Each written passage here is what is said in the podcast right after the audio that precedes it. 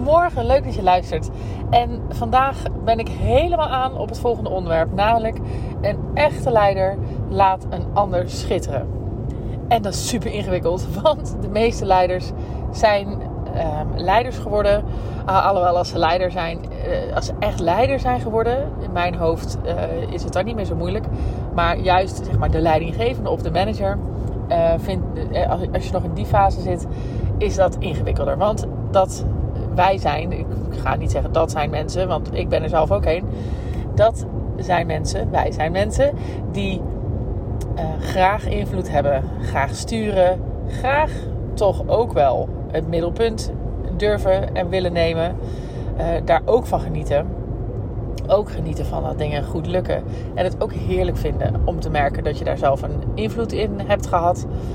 En toch, tegelijk is het, allerbelangrijkste als je eenmaal wil groeien naar een volwassen, goede leider, is dat je een ander kan laten schitteren.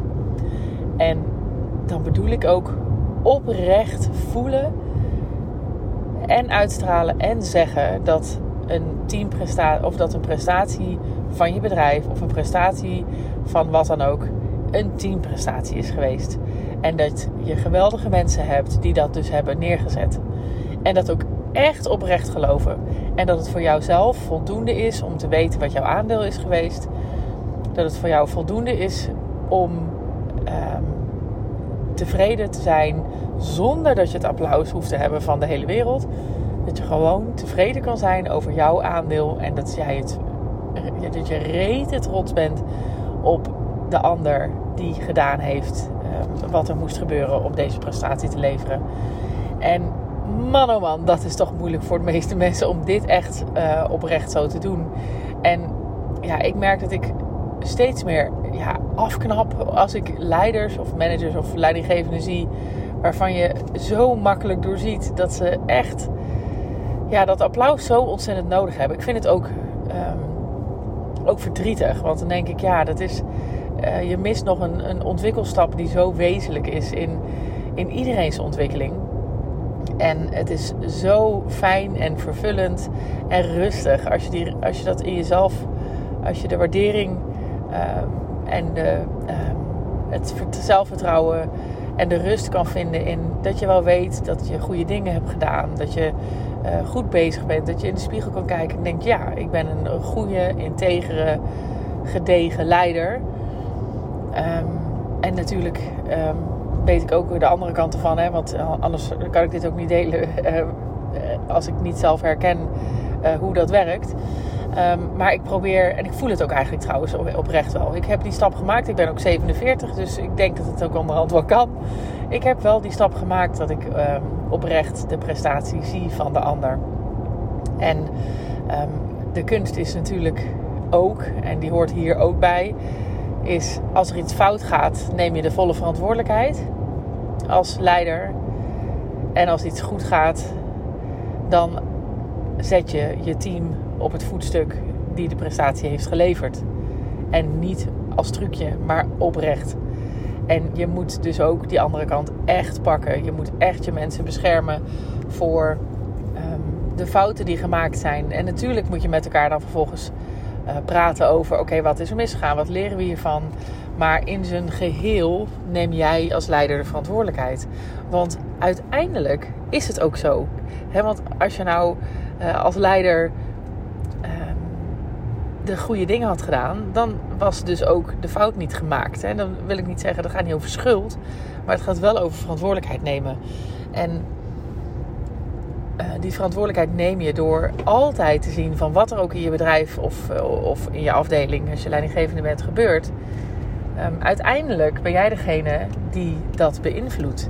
Dus als daar dingen gebeuren um, waarvan je denkt, hè, die gaan niet goed, of daar uh, worden fouten gemaakt, of mensen functioneren niet, ja, dan, dan, kan je niet als leider zeggen, ja, dat ligt aan die ander. Kijk, je kan wel zeggen, goh, die persoon functioneert niet, en daar kan je een hartstikke mooi traject mee doen en wellicht van elkaar afscheid nemen. Maar als je dat stuk niet doet en, en die medewerker zit er nog, ja, dan is het dus jouw verantwoordelijkheid. Want jij hebt, dat is jouw output, zeg maar, dus jouw resultaat. Um, dus als daar iets misgaat, is het ook jouw resultaat. Dus het is echt kansloos en verschrikkelijke afknapper als een leider dus daar de verantwoordelijkheid afschuift naar zijn team of zijn medewerkers. Ehm, het is uh, aan jou als, als leidinggevende manager, leider, om direct de analyse te maken van oké, wat is er misgegaan? Wat heb ik gemist als leider? Wat heb ik niet gedaan? Wat had ik moeten doen? En wat ga ik nu alsnog doen? En uh, wat zijn de consequenties die ik, die ik, daaraan verbind? Dat is allemaal aan jou. En um, nou ja, uh, nog, nog erger is natuurlijk als je het laat staan en laat gebeuren. En vervolgens als een soort slachtoffer denkt: ja, en ik krijg het gewoon niet voor elkaar. Ja, dat kan natuurlijk niet dat, kan je gewoon ook niet meer uit je strot moeten willen krijgen eh, als leider. Want uh, je kan wel eh, natuurlijk aangeven, ik weet niet hoe ik het moet oplossen. Ik heb daar hulp bij nodig. Dat is super sterk. Maar dan, het is altijd jouw verantwoordelijkheid. Het is altijd jouw resultaat. En dus ook altijd jouw taak om het op te lossen en op te pakken met het team. En met de kunst ook om hun ook verantwoordelijk te maken. En het is natuurlijk fantastisch als jij een leider hebt die um, het voorbeeld is in verantwoordelijkheid nemen. Ja, want dat, uh, ik geloof er heel erg in dat een voorbeeld zijn ook hetgene is wat mensen um, motiveert en inspireert om het ook te doen. En dat is natuurlijk um, van wezenlijk belang. Als zij een leider zien die het afschuift, dan is het eerste wat je doet als jij een probleem hebt veroorzaakt, is het afschuiven en iemand anders de schuld geven. Maar het is ook zo dat als iemand continu een voorbeeld ziet van een leider die zijn verantwoordelijkheid neemt, de leider die um, de ander in het zonnetje zet, de leider die bescheiden is, en uh, de ander dus laat schitteren in plaats van zichzelf. En uh, de andere een schouderklop geeft in plaats van zichzelf. Ja, dat, dat is het meest inspirerende wat je kan zien. Denk ik tenminste. Dat zijn de leiders die ik graag zie. En waar ik graag iets voor zou doen. Dus dat is super interessant om uh, eens in jezelf te ontdekken van waarom zou ik dat wel of niet kunnen. Hè? Dus wat ben ik er eigenlijk voor één? Heb ik het nog heel erg nodig om mezelf um, in de spotlight te zetten? Heb ik dat applaus nog heel erg nodig? Heb ik het heel erg nodig dat mensen zien dat het mijn prestatie was? Uh, heb ik misschien ook nog een elementje van dat ik makkelijk uh, de verantwoordelijkheid afschuif?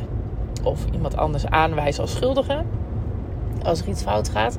Nou als je een van die twee dingen of allebei misschien wel herkent, dan is het echt, denk ik, tijd. Of niet denk ik, dan is het als je je wil ontwikkelen als een goede leider, echt tijd om te gaan werken aan uh, jezelf. In de zin van het vertrouwen en uh, de rust en de waardering in jezelf vinden. En in misschien je privéomgeving voor dat wat je presteert. He, dus dat je zelf dat jezelf kan geven en niet meer nodig hebt van anderen. Want ja, als leider, als leider moet je echt het positieve resultaat wijten aan je team. En het uh, minder goede resultaat daar zelf de verantwoordelijkheid voor nemen. En je team beschermen voor de, um, ja, voor de, voor de buitenwereld, zullen we maar zeggen. En niet hun daar op een voetstuk zetten. Of op een, juist op een verkeerd voetstuk zetten dat zij de schuldigen uh, zouden zijn. Dus um, ja, dan heb je werk te doen. Dus ga, ga, eens, ga eens naar binnen in jezelf en bedenk eens, ja, wat, wat ben ik er voor één? Ben ik, ben ik de leidinggevende manager die het heel erg nodig heeft om de complimenten zelf te krijgen? Vind ik het moeilijk om, als ik zelf bijvoorbeeld heel goed weet dat het mijn resultaat is, omdat ik iemand heel erg heb gestimuleerd en, ges, en aan iemand heb lopen trekken om het te doen, vind ik het dan heel moeilijk om te zeggen dat het toch die prestatie van die ander is en dat je hem een compliment geeft, omdat je eigenlijk weet dat zonder jou hij dat niet gedaan had ja, dan heb je denk ik nog te weinig, uh, vind je, die, dat um, zelfwaardering um, in je eigen hart en leven. En dat is zonde. Ik denk dat het dan ja, super mooi is als je daaraan gaat werken. Dat je dat dus niet nodig hebt van extern. Of dat je over je medewerker heen uh, de complimenten zou moeten krijgen. Dan is het echt goed om dat in jezelf te gaan vinden. En je zal zien wat dat doet met mensen.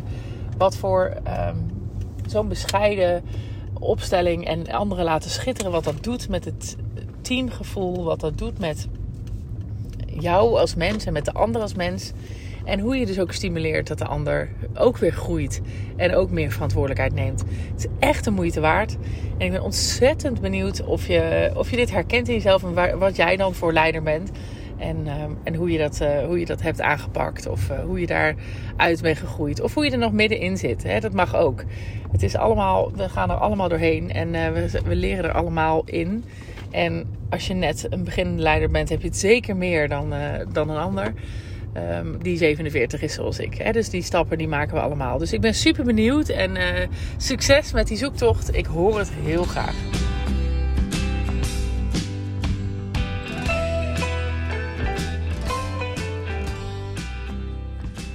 Lieve mensen, dat was hem weer.